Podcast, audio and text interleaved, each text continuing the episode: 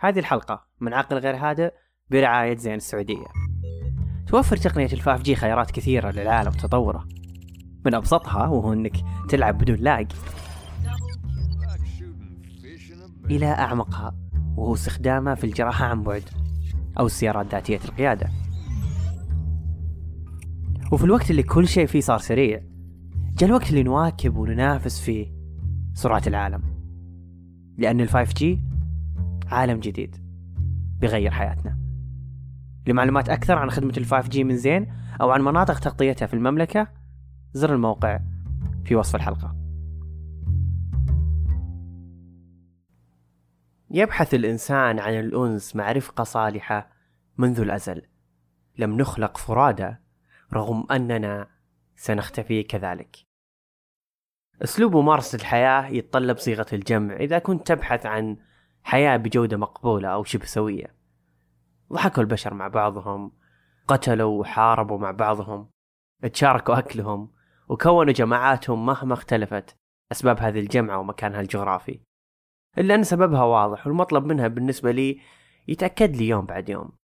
حتى ما نعتقد أنه يستطيع العيش لوحده يلتفت لأقرب مرآة أو ظل ليناقش معه أفكاره. هذا مو بجنون. أنك تناقش نفسك وتصنع شخصياتك اللي تقيك من شر النقاش إذا احتد في عقلك. هذا مو بجنون. هذا أسلوب تكيف مع فطرة الجموع. عقلك لا يستطيع أن يتمالك نفسه لوحده. الاكتئاب عادة يرافقه مرحلتين حسب شدتها وهي مرحلة إحساسك أنك أصبحت عبء على الآخرين. واعتقادك أن ما حد قادر يتحمل وجودك في هذا المكان فتهرب تحت مبدأ بريحهم مني. والآخر هو عدم شعورك بالانتماء لمحيطك بمعنى أنك ما عاد تشعر أن عندك الشخص أو الجماعة القادرين على انتشالك من كل هذا. ما عندك أحد تلجأ له. أساليب الهرب من الوحدة كثيرة. إلا أني ما حصلت شيء أكثر غرابة وفرادة من دراسة سواها مركز أبحاث اسمه Human Animal Bond على 460 شخص يمتلكون حيوان أليف. تقول الدراسة أن الحيوانات الأليفة مو فقط تقلل من حدة الاكتئاب وهذا أمر مفروغ منه في دراسات كثيرة بل إن أحد الأسباب الرئيسية في سهولة تقبلك للفقد لأن معك رفقة. ممكن الرفقة الصالحة تكون على هيئة نبتة. خلينا نسمع تسنيم أروى ونوف ونوف الثانية إيش يقولون عن مرافقتهم؟ لنبتة. لما كانت كل الأيام شبه بعض كانت هي اللي بتختلف كل يوم عن التاني. لما كانت كل الخطط والأحلام اللي أنا كنت رسمها لنفسي بتتكنسل قدامي كانت هي الحاجة الوحيدة اللي بتبرد قلبي وبتكبر زي ما مخططة لها وبحلم بيها. بس إزاي محبهاش وافضلها عن الكل. هي اللي كانت اللون الأخضر وقت ما كل حاجة تانية حواليا كانت رمادي. زرعت شجرة خوخ صادف فترة اختباراتي وأهملتها. فكل ما أمر عليها أغصانها خلاص ذابلة كذا أوشكت على الموت. فترتها قرأت دراسة إنه إنه الأشجار تحس بمشاعر الفلاح أو بالكلام اللي يتقال لها فليلة من الليالي طلعت وجلست أكلمها. يعني حقيقي جلست أكلمها كأنها كأنها كأنها روح. يعني كأنها مريضة عندي وأنا جالسة أداويها بكلامي. فقلت لها أوعدك ما أخليكي وأعتني فيك. تستقبلني حين عودتي من الخارج وتحتضنني عندما تقسو أيامي. مصغية جدا منصتة تداوي وحشتي وفي صمتها وجدت أجوبتي. أحيانا أكون بنام وأتذكر أنهم طلعتهم يشمسون. لما أفكر في درجة الحرارة العالية بعد كم ساعة أقوم من فراشي علشان أشيلهم. والفترة الأخيرة لما بنت أخوي الصغيرة قطعت نبتة من نبتاتي اللي صار لها سنة عندي كنت أدارك دموعي وقتها لا تطيح. حقيقي ضليت طول اليوم زعلانة. كل هذه الأسماء اللي قلناها جمعهم شيء واحد الرفقة الصالحة. فماذا لو غيرت زاويتك شوي ولفيت وجهك لحيوان بدل البشر؟ ريهام وسلحفاتها أحب السلاحف جدا لدرجة أن أصدقائي أحيانا ينادوني بأم السلاحف. أحب لما أشاركهم الأكل ولما ينامون في كفي وكيف أنه يصلني فيض هدوءهم. لدرجة أني أنتظر رجعتي للبيت عشان أشوفهم لأنهم عائلتي الصغيرة. شموا قطة كيكي. قطتي كيكي هي حبيبتي هي صديقتي هي حياتي كلها. أقوم معها أنام معها أكل معها أجلس معها ألعب معها. هي سعادة السعادة كلها. اللطيف جدا. سعود. وشنايدر أنا أحب شنايدر عشان يلعب معاي وما يخمشني لما ألعب وأحطيش دايما يعلمني وين أخوي يكون ودايما لما أشرب دواء يشوف. وأخيرا حنان وفقيدها ليو. قبل ثلاث أيام تقريبا فقدت واحد من أربع أقطاع كانوا موجودين ببيتنا فقدة بالنسبة لي كان مؤلم جدا واللي ألمني أكثر هي الطريقة اللي مات فيها. استمر ضايع تقريبا يوم كامل لين لقيناه على الأرض أه ويبدو أنه دعست السيارة ولأن عمره كان شهرين وجسمه صغير مرة ما أتوقع أن أحد لاحظ وجوده أساسا عشان يفكر ينقذه.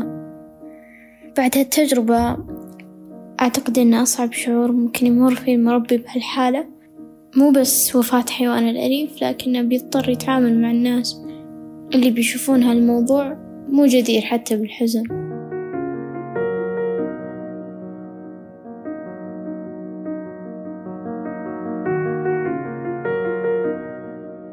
نميل دائما للتفكير أن الأمراض النفسية سمة فريدة عند البشر. كوننا على عكس مخلوقات كثيرة نعي. نعي بشكل واضح جدا الكثير من المشاعر. الفقد أفكار الموت الألم ومسبباته الشعور بالذنب وحتى ندرك الطفش وفقدان المتعة. لكن هل مسألة أن الحيوانات لا تعي هو دليلنا أنها لا يمكن أن تشعر أو تصاب بأمراض نفسية؟ توفت والدة فلينت صار يميل للعزلة والانفراد بنفسه ومشاهدة الفراغ. بدل القيام بنشاطاته اليومية اللي اعتاد عليها. توقف عن الأكل وصار هزيل. وبعد أيام جلس فلينت عند المكان اللي ماتت فيه أمه. وتوفى فلينت شمبانزي يعيش في حديقة حيوان في تنزانيا. الأبحاث في هذا الموضوع قليلة وصعب الاعتماد عليها كثير. وكثير من الباحثين يقولون أننا جالسين نسقط مشاعرنا كبشر في الحيوانات. وهذا شيء غلط لأنها مختلفة عننا تماما في آلية استقبال المشاعر ومعالجتها. لذلك مفروض يكون نختبرهم اختبارات مخصصة. تناسب بيئتهم بدل ما نمارس عليهم التجارب اللي نمارسها على البشر. وبرضو هذا صعب جدا لأن يعتمد تشخيص الأمراض النفسية عند الحيوانات غالبا على الملاحظة ومراقبة الحيوان أكثر من أي شيء ثاني. لأنهم ما يمتلكون ولا إحنا نمتلك خاصية ترجمة مشاعرهم وإظهارها لنا بطريقة واضحة نقدر نعتمد عليها في دراساتنا. بمعنى أنهم ما يعرفون يعبرون عن مشاعرهم إلا أن كل هذا لا يعني أن الحيوانات لا تشعر. الكثير من الحيوانات الأليفة تمرض وتتخلى عن الأكل حتى الموت لما تفقد صاحبها. والكثير من الحيوانات ممكن تتعرض لاضطرابات ما بعد الصدمة. لما تواجه أحداث قوية مثل تعنيفها أو المشاركة في أحداث غير اعتيادية مثل كلاب الحرب وكلاب الخدمة العسكرية. وفي دراسة سواها في عام 2011 لاحظوا منها أن الشمبانزي المستخدم في الدراسات البحثية وقد تكلمنا عن هذا الموضوع قبل أو المحاصرين في فخاخ تعرضوا لاضطرابات ما بعد الصدمة أو المسمى بال PTSD اللي بالمناسبة يصير للبشر في مادة بروتينية تكون على طرف كروموسوماتنا اسمها تيلومير. هي مسؤولة عن حماية أطراف الكروموسوم لأنه مثل ما نعرف هو الحافظ الأساسي لمادتنا الوراثية. أي خلل أو نقص في هذا البروتين راح يجعل جيناتنا سهلة الهجوم عليها أو تضررها. لكنها تنقص مع التقدم في العمر. وهذا شيء طبيعي لأنه هو اللي يجعل الإنسان يكبر أو يشيخ. أسباب اختلاف معدل نقصها من شخص لآخر مو بمعلومة. لكن الكثير من الفرضيات تقول أن الإجهاد المزمن على المخلوق وأسلوب الحياة يلعب دور كبير في نقصها. وفي دراسة فريدة من نوعها على مجموعة من البغبغاء قسموها لمجموعتين. مجموعة تعيش لوحدها وأخرى مع جماعات. واللي يخليها بنظري فريدة من نوعها هو تجاوزها لمرحلة ملاحظة الحيوان فقط لكن اختبار جيناته في المختبر لمعرفة مدى تأثير بعض السلوكيات عليه. لاحظوا في المجموعة اللي تعيش لوحدها واللي عمرها تسع سنين فقط تحتوي على تليمرات قصيرة تعادل البغبغاء اللي عايش مع جماعة وعمره 26 سنة. شوفوا الفرق. ولاحظوا منها أن يعيش بعض الحيوانات بشكل منعزل لا يناسب طبيعتها الاجتماعية يضر كثير من صحتها النفسية والجسمانية.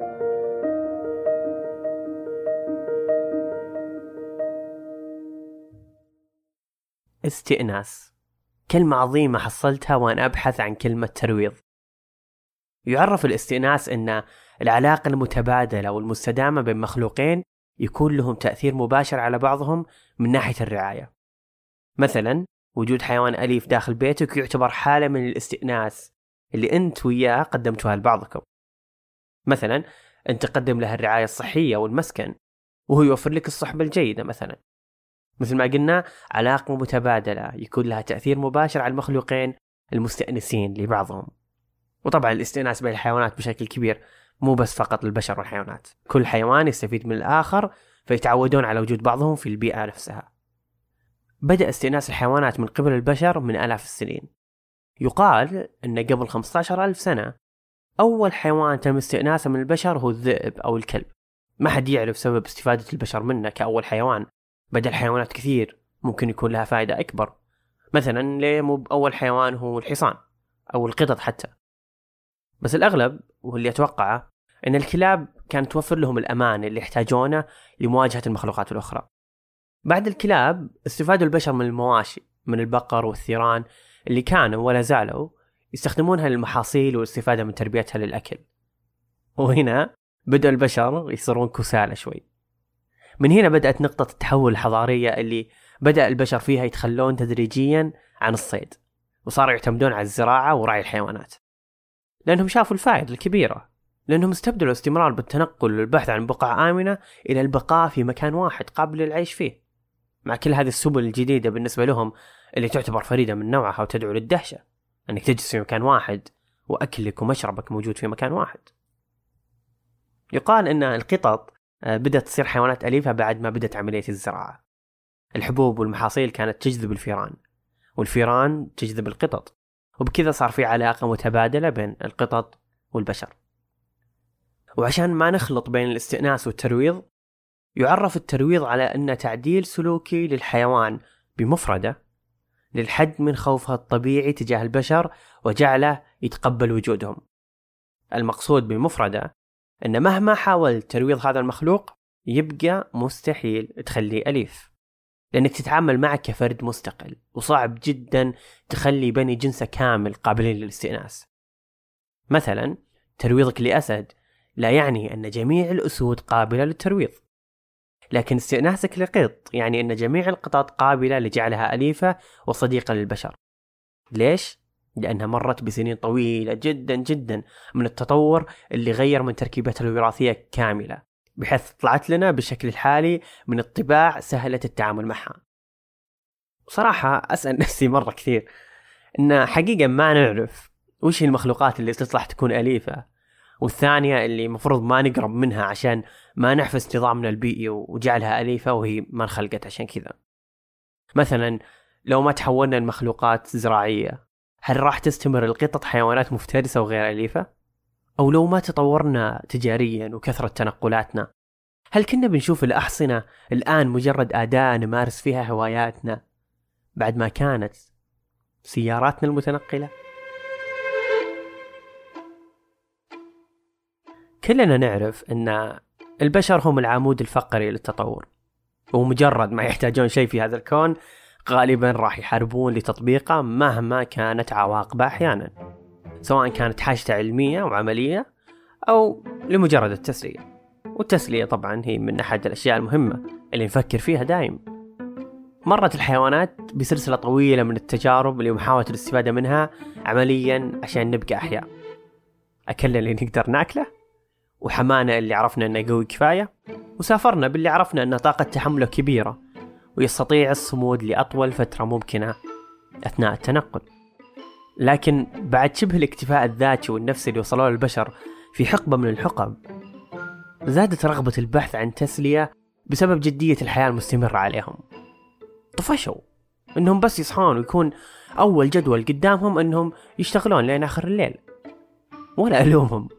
كانوا يحتاجون البعض من التنفيس وتفننوا الرومان بالبحث عن التسلية في عصرهم من سباقات الخيول إلى القتال حتى الموت باستخدام العبيد وصراعات البشر مع الحيوانات المفترسة ويقال أن من الرومان ولد مصطلح السيرك I was four years old, and my mother said, Look back there, Roger. That's Clyde Beatty. He came running toward us and began to crack the whip, and in came these animals that I'd never seen. And the excitement was something that got into me. I knew I would do that work someday. It was my epiphany. مر السيرك بشكله الحالي اللي نعرفه بمراحل عديدة من التغيرات حسب تغير حاجات البشر في كل عصر بدأ بالأشياء البهلوانية والسحر والشعوذة والأشياء الخارقة اللي يقدرون البشر يعني يسوونها لحالهم. نار مشي على الحبال حركات خطيرة. إلا أن بصمة الخطر كانت هي الهدف الأساسي غالبا لجذب الجمهور لمثل هذا النوع من الترفيه. كسر الفطرة كان هو العنوان الكبير للسيرك. فمجرد دخولك لهذا العالم يعني مشاهدتك لكل ما هو غير طبيعي يصبح طبيعي وحقيقي قدام عينك. ومو بهذه أصلا أعظم أساليب جلب الدهشة للبشر؟ إنهم يشوفون شيء يعكس تصورهم السابق لسير الكون؟ بحثت كثير وبكل الكلمات المتوقعة بالعربي والإنجليزي عن استخدام البشر لصالح السيرك بشكل غير سوي. لكن السيد جوجل كان حرفيا ما يعرض بوجهي أي مقال أو أي بحث علمي في كلمة إنسان جنب كلمة سيرك. خاصة بالإنجليزي. وأتوقع أن هذه خوارزميات جوجل بأنه يخفي بعض الأشياء الحساسة. فقط كان يعرض أساليب استخدام الحيوانات. وهذا شيء يحزن شوي أننا نسينا استغلال البشر في نواحي كثيرة للمتعة والتسلية. وهذا مو شيء جديد أبدا من يوم خلقنا يعني ما انصدمت أبدا أنا. استخدم العبيد للمتعة منذ الأزل وافهم المتعة بالطريقة اللي أنت بيها الأقزام أصحاب العيوب الخلقية أصحاب الأمراض الوراثية المنبوذين مجتمعيا جميعهم مرحب فيهم في السيرك وجميعهم لا إراديا يعرفون مستقبلهم وين رايح له إما منبوذ أو يصير كوميدي. وفي قصص كثيرة أن عدد منهم كانوا أهلهم يبيعونهم للسيرك لأنهم ما يتحملون تكاليف العيش معهم. وهذا كله مؤشر لعطب ترفيهي كبير داخل جيناتنا. يحوم حول السيرك وحتى حدائق الحيوانات الكثير من الشبهات والسوداوية العظيمة خلف هذه المتعة الكبيرة اللي تغمرنا فيها وإذا كان الإنسان نفسه لا يعامل بطريقة جيدة في السيرك فكيف هو الحيوان؟ هل هم حقيقي في أمان مثل ما يزعم الكثير من مربين الحيوانات المفترسة أو الداعمين لوجود حدائق حيوانات تحت مبدأ إحنا نوفر لهم البيئة المناسبة للعيش؟ هل هذه العيشة اللي يتمناها أسد يأكل وجبات منتظمة في قفص ولا يروح يحارب لأجل حياته في البرية؟ هل هذه العيشة اللي يتمناها دولفين يلعب وينبسط جنب مدربة؟ ولا يضيع في محيط سام صنع منه البشر مكب للنفايات والسؤال الكبير كيف لنا نفهم مشاعرهم وإيش يبون؟ ولا عشان أنا المخلوقات الأذكى يحق لنا الهيمنة وصنع القرارات اللي نعتقد نعتقد أنها الأنسب لهم.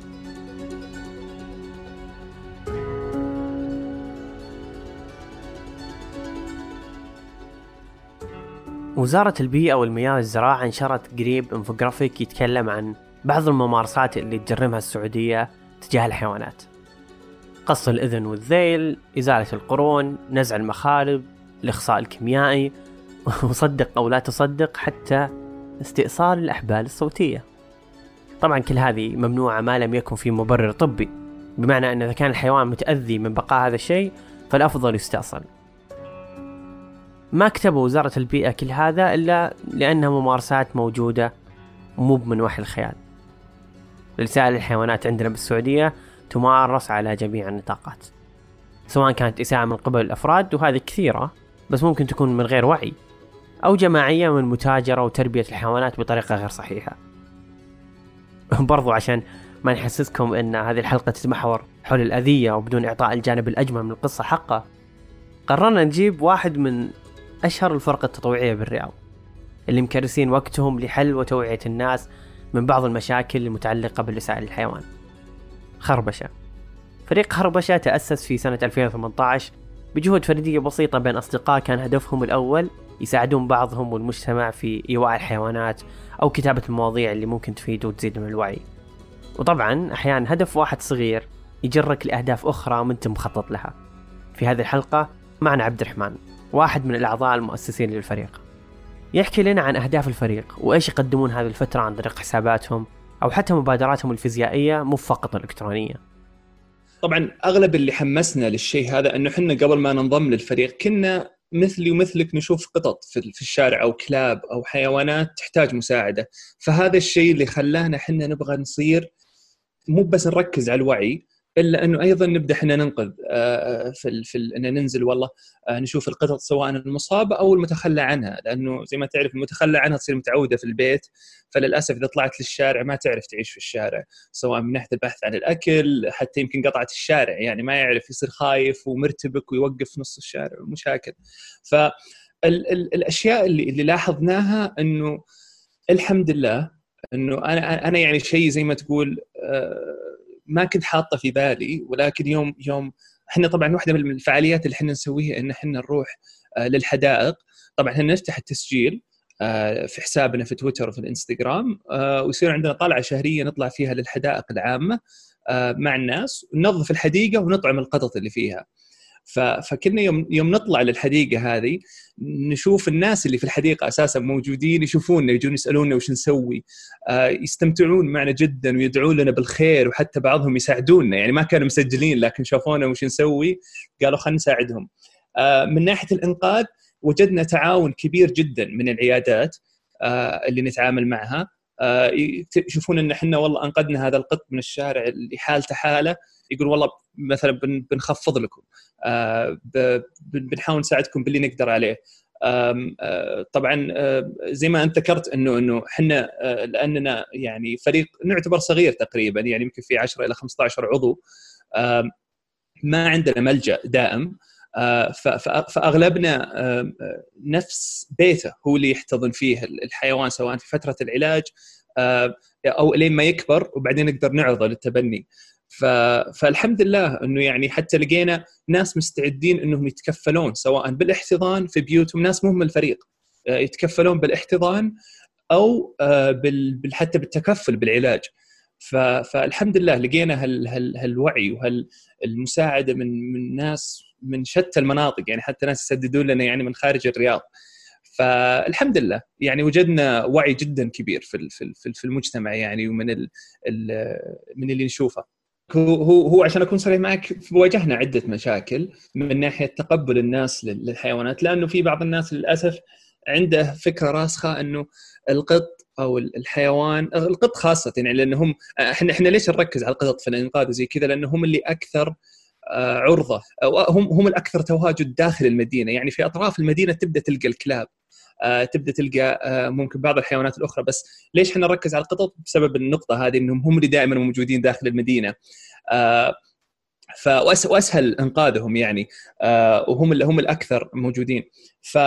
فبعض الناس للأسف يصير عنده فكرة إن القط نجس إنه القط يوسخ إنه ولا هو يعني زي يمكن أغلبكم اللي شاف يعرف إن القط ينظف من وراه وحتى ينظف نفسه. فواجهنا مشاكل كبيرة بحيث إن نقول للناس مثلا يجي شخص يصور لنا مثلا القط يقول يحتاج لإنقاذ. آه نجي نقول له طيب هل في إمكانك بس تحطه عندك في البيت لما نجي ناخذه؟ ممكن نوديه العيادة أو لو تقدر بس يقول لا ما أقدر لأنه يعني قط شارع آه غير نظيف. آه فيعني واجهنا مشكلة من ناحية إنه في ناس ودهم يساعدون بس إنهم يعني الحد اللي هو وده يساعد فيه هو إنه بس يصور ويعلمنا إن القط هنا. ولا في في مرات كثير قد جينا وما نلقى القط لأنه يكون في مكان كبير. والقط ما هو يعني آه، جماد. هو يتحرك ويروح ويجي يبحث عن الطعام وغيرها. فالحمد لله يعني هي من الطرفين. لقينا ناس كثير يساعدونا ولقينا ناس يعني ودهم يساعدون بس آه لسه ما هم متقبلين الفكرة. حلو جميل.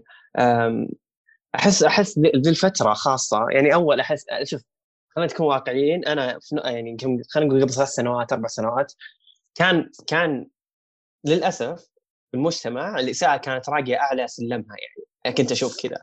الاساءه للحيوانات في الشارع كانت في أعلى مراحلها للأسف. صحيح كان مرة مربك صحيح, صحيح. زيادة من المقاطع العدد. اللي نشوفها والصور وهذه بالضبط. صح كان تويتر مليان من الأشياء من الأذية طريق طرق الأذية المنوعة البشعه لكن سبحان الله ما أدري إيش صار فجأة.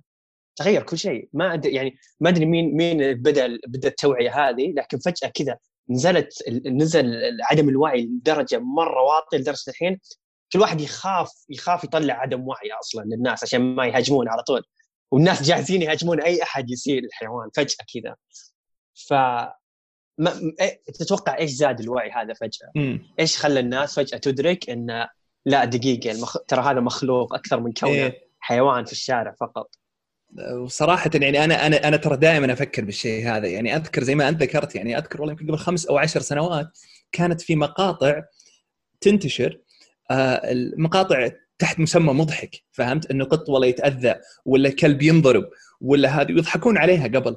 الآن لو أي شخص يحط مقطع زي كذا في تويتر شوف الردود اللي عليه. يعني ناس ينفلتون عليه يقولون لا إن التصرف هذا غير صحيح ومن هالكلام ف, ف سبحان الله وش الشيء اللي بالضبط غيره أنا ما أعرف لكن أتوقع ان في عدة عوامل. آه، منها آه، طبعا ال- ال- ال- القوانين اللي كانت آه، طبعا يجي, شخص مثلا والله يمكن قد شفتها إنه شخص يطلق على قطط مثلا كانت عند سيارته ولا شيء زي كذا انتشر المقطع مسكوه. ال- الكلام اللي بين الناس. آه، يعني مثلا والله في المشاهير المشاهير اللي بدأوا يطلعون ويهتمون بالحيوانات ويتبنون وفي بعضهم كانوا حتى ينشرون فكرة التبني أكثر من الشراء. يمكن أقدر أقول ولو نحن تأثيرنا يعني الفرق التطوعية ممكن يكون بسيط آه، لكن ممكن إحنا ساعدنا في الشيء هذا لأنه آه، طبعا هي للأسف أن لسه الأشياء هذه ما هي موجودة بشكل كافي آه، في المناهج. فحنا يمكن قاعدين نحاول شوي شوي آه، واحدة من الفعاليات اللي إحنا نسويها إن إحنا نزور مدارس ابتدائية ونعطي الطلاب والطالبات يعني تعريف عن عن التطوع عن الرحمة بالحيوان آه، يعني شيء انتراكتيف كذا. وبعدها آه، مرحلة ثانية إنه آه، نفس المدرسة هذه نقابلها في حديقة ونسوي نفس اللي نسويه مع الكبار اللي هو إن إحنا ننظف الحديقة سوا آه، اذا إذا شفنا قط كيف تتعامل معه وزي كذا. فالحمد لله أحس إنه في في ناس كثير أو جوانب كثيرة في المجتمع آه، آه، آه، ساعدت في في نشر الوعي هذا. آه، فالحمد لله شيء جدا مفرح. آه، قلت تو عن آه، آه، ترويج فكرة آه، التبني مو الشراء. إي نعم. و... واحس الحين أو حتى قبل كم سنة زاد زاد مرة آه، ترويج هذه الفكرة. آه، صار الواحد يعي يعي أخلاقيات إنك تشتري مخلوق. وصار في آه، موجات كذا نفور تجاه الناس اللي يشترون حيوانات أو يروجون لها. وأتوقع إن سوقهم مرة خسر في هذه اخر آخر كم سنة. فوش وش وش آه، آه، لعبتكم أنتم في هذا الموضوع؟ ليش وش الفرق بين إني أشتري وأتبنى؟ في النهاية الهدف واحد تقريبا إني بجيبه للبيت.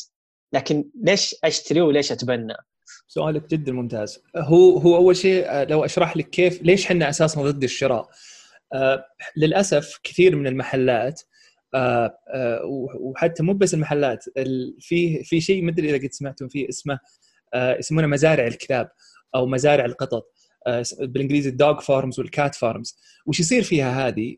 يصير فيها تزاوج بين بين فصائل بين القطط والكلاب وتكون في في في في أماكن مغلقة في أقفاص آه، والهدف منها إيش؟ إنه أنت تربح من المخلوقات هذه فحنا أساسا ضد الفكرة هذه لأنه أنت زي ما ذكرت قبل إنك قاعد تاجر بالحيوانات وتعاملها كسلع آه، ولا أساسا بسبب التزاوج هذه اللي في المناطق المغلقة بسبب آه، التزاوج يعني قطط تولد يخلونهم يزوجون بعض.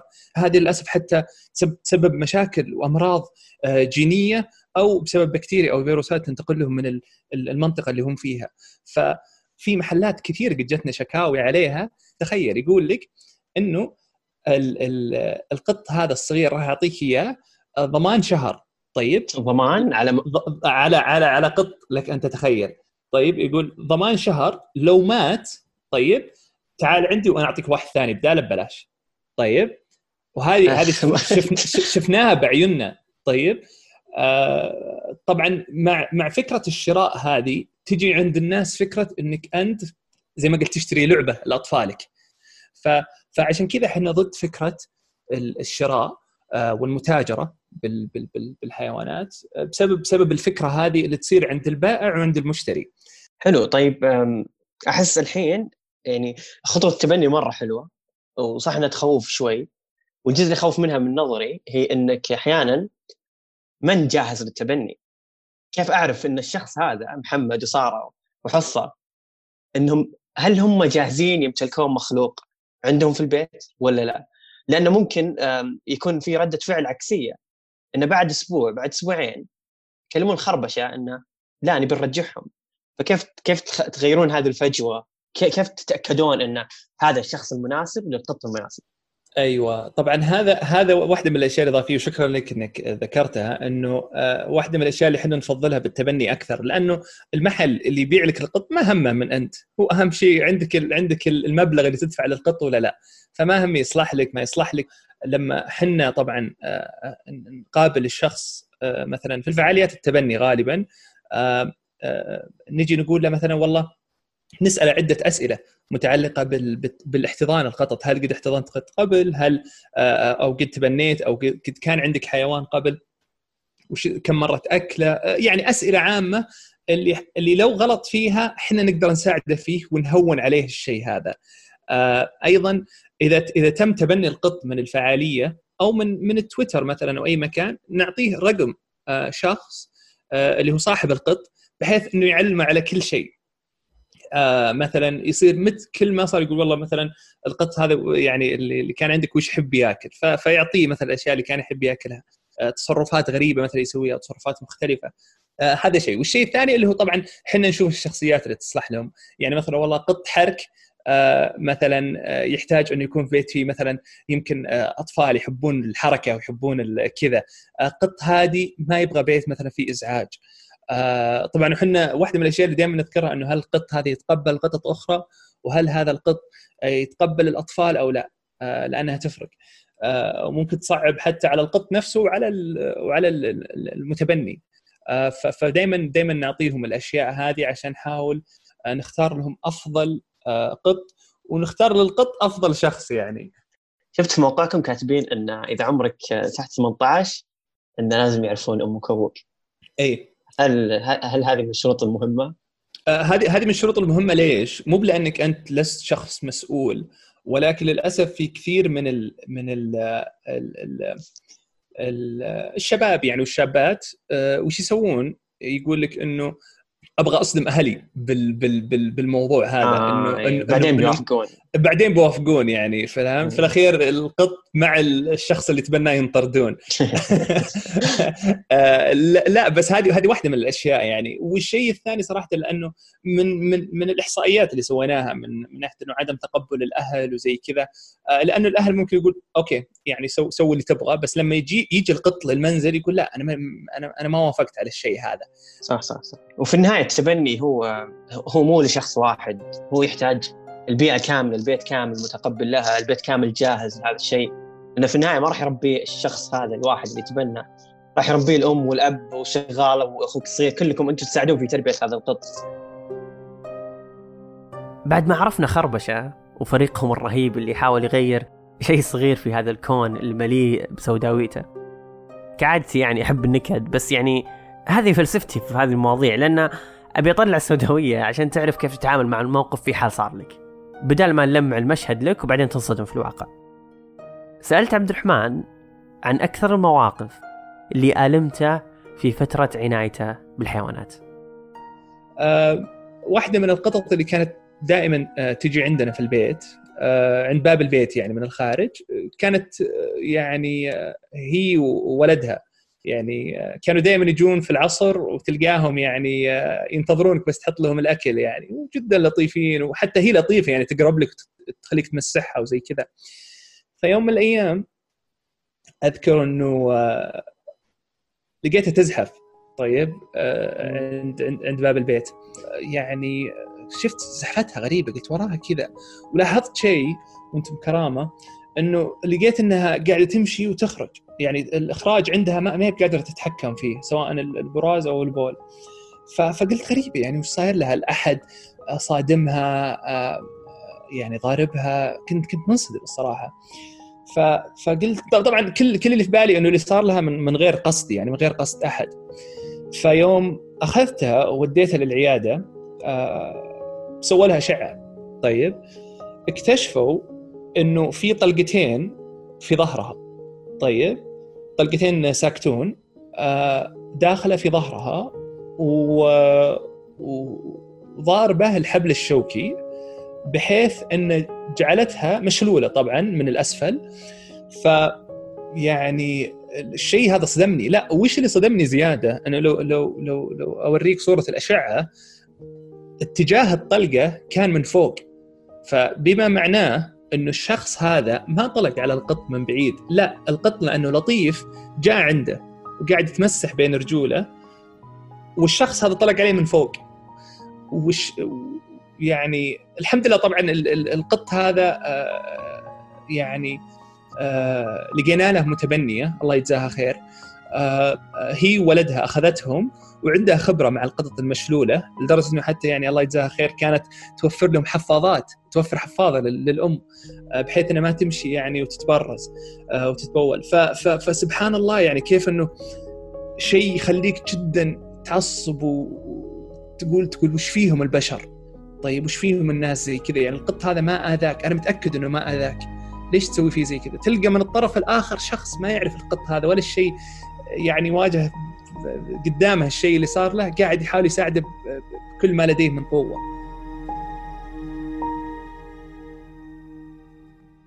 أنا كشخص لو أركز على الوعي أكثر من الإنقاذ ممكن راح أصير انقذت بشكل غير مباشر. آه، زي ما قلت لك في المدارس يعني نروح نشوف الأطفال ونشوف تعاملهم آه، مع مع القطط آه، كيف يعني طفل مثلا في البداية يقول لك أنا أشوتك طاوة. طيب أول ما تقابله في نهاية الطلعة أو نهاية الرحلة في الحديقة هذه بعد ما يصير نظف الحديقة وأطعم القطط وحاول إنه يعني نعلمهم كيف إنه يمسح القط كيف إنك مثلا لا تسوي له زي كذا لا تشيله بهالطريقة زي كذا يتغير تفكيره تماما. آه، والشيء هذا أنا متأكد إنه يستمر معه طول عمره. فسبحان الله يعني إنه أكثر شيء اللي صدق بخلينا نستمر هو وعي الناس والإيجابية اللي فيهم صراحة. آه، المجتمع مجتمعنا يعني على على آه، على اللي نشوفه في في وسائل التواصل سواء مقاطع ولا صور هي اللي تنتشر أكثر شيء لكنها في الأخير تعتبر الأقلية ترى. يعني يمكن واحدة من الأشياء اللي ودي يمكن أتطرق لها إذا تسمح لي اللي هو الناس اللي يجون يكلمونا عن آه، سالفة إنه ليش تساعدون القطط وما تساعدون الناس. توني شايف إيه. توني داخل تويتر. وللأسف اني شفت واحدة من تغريداتكم تحت هذا الشيء. آه هي هي هي تجينا بكثرة الصراحة وعشان كذا ودي أتكلم فيها لأن هي يعني هم لهم نقطة. لكن أنا اللي أبغى أقوله إنه ترى هو مو بخيار. مو بخيار إنك أنت يا تساعد الحيوانات يا تساعد البشر. يمديك تساعدهم كلهم. يعني الفرق بس إنه إحنا نركز على الحيوانات لأنه هي ما لها صوت. يعني آه وفيها أجر ترى إنك أنت تساعدها. وأنا ما أقول لك ساعد القطط أو الحيوانات واترك البشر لا كلهم فيهم خير وكلهم فيهم أجر. صح إنه البشر أولى ولكن الحمد لله في مؤسسات كثير وفيه آه جمعيات كبيرة تساعد المحتاجين. آه فهو ما هو بخيار في الأخير. هو تقدر تساعد الاثنين باللي تقدر عليه وفي الأخير كلهم فيهم أجر. والله يعني كثير مننا يعني إنه سبحان الله يعني أنا أنا ودي من أي مستمع إنه لو لو هو ما قد أنقذ أو هو ما قد أطعم قط شافه أمامه أو شيء زي كذا يعني حاول تسوي شيء زي كذا. صدقني الشعور اللي بيجيك من الشيء هذا يعني بتصير تبحث عنه بتصير تبحث عنه في كل لحظة. آه، آه، يعني تخيل إنه يجيك مخلوق لا حول ولا قوة آه، يلجأ إليك طبعا بعد الله سبحانه وتعالى فإنه يبحث عن طعام عندك أو أو أو علاج أو إنك تساعده باللي تقدر عليه، الشعور هذا اللي بيجيك أنت وتخيل شعوره هو بعد ما انت تطعمه أو تعالجه شيء شيء لا يوصف شيء ابدا. يعني يعني يعني سبحان الله ال ال يعني تحسها تحسها سعادة طبعا الأجر يجيك لكن السعادة هذه اللي تجيك يعني تخلي يومك أو أسبوعك من أفضل الأيام والأسابيع.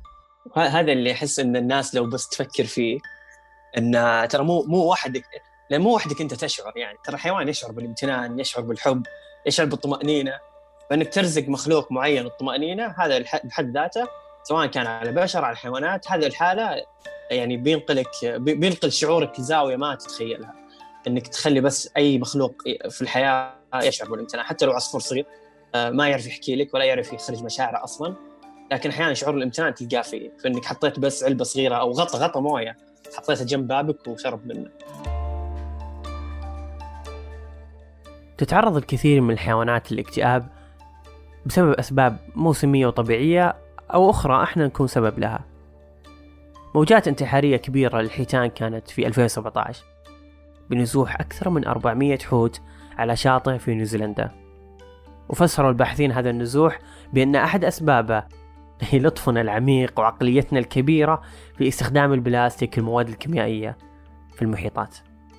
وعشرات الآلاف من الحيوانات سبب موتها الرئيسي وتغير نمط بيئتها عليها. فما بالك لما تجيبها في بيت أو قفص زاعم فيه أنك تقيها من المخلوقات الشريرة اللي تلاحقها في بيئتها الأصلية؟ أكرر. يبحث الإنسان عن الأنس مع رفقة صالحة منذ الأزل. لم نخلق فرادى رغم أننا سنختفي كذلك. إلا أني ما أعتقد أن الإنسان الطبيعي السوي يقبل يغير سير الكون عشان يرافق له أسد يعتقد تحت أحد مبادئ الهشة. أنه جالس يحميه. المخلوقات المفترسة موجودة عشان تقتل وتنقتل مو عشان نحميها بطريقة تضرها أكثر من تنفعها. تصرف البلدان الملايين لحماية الحيوانات والمحميات والحفاظ على بيئة جيدة لكل مخلوق حي غيرنا أسلوب حياته بسبب نزوحنا للمدينة. أو حتى نزوح المدينة أحيانا لبيئة الرئيسية. فلا تعتقد أن حوشكم أو أسلوب رفاهيتنا في السيرك وحدائق الحيوانات قادر على خلق توازن بيئي كيوت في نظرك. يخلق صداقة مع مخلوقات متضادة معنا بطبيعتها الفطرية.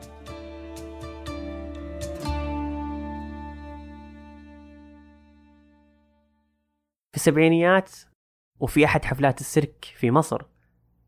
الشهير مربي الحيوانات الأستاذ محمد الحلو عاقب أسده في بروفات ما قبل العرض بالضرب. يقال أن بسبب تقصير وتهاون الأسد. في بداية العرض ولما لف المربي ظهره هاجم الأسد كردة فعل انتقامية. وما قدر أحد ينقذه. توفي الأستاذ محمد بعد نقله للمستشفى بأيام.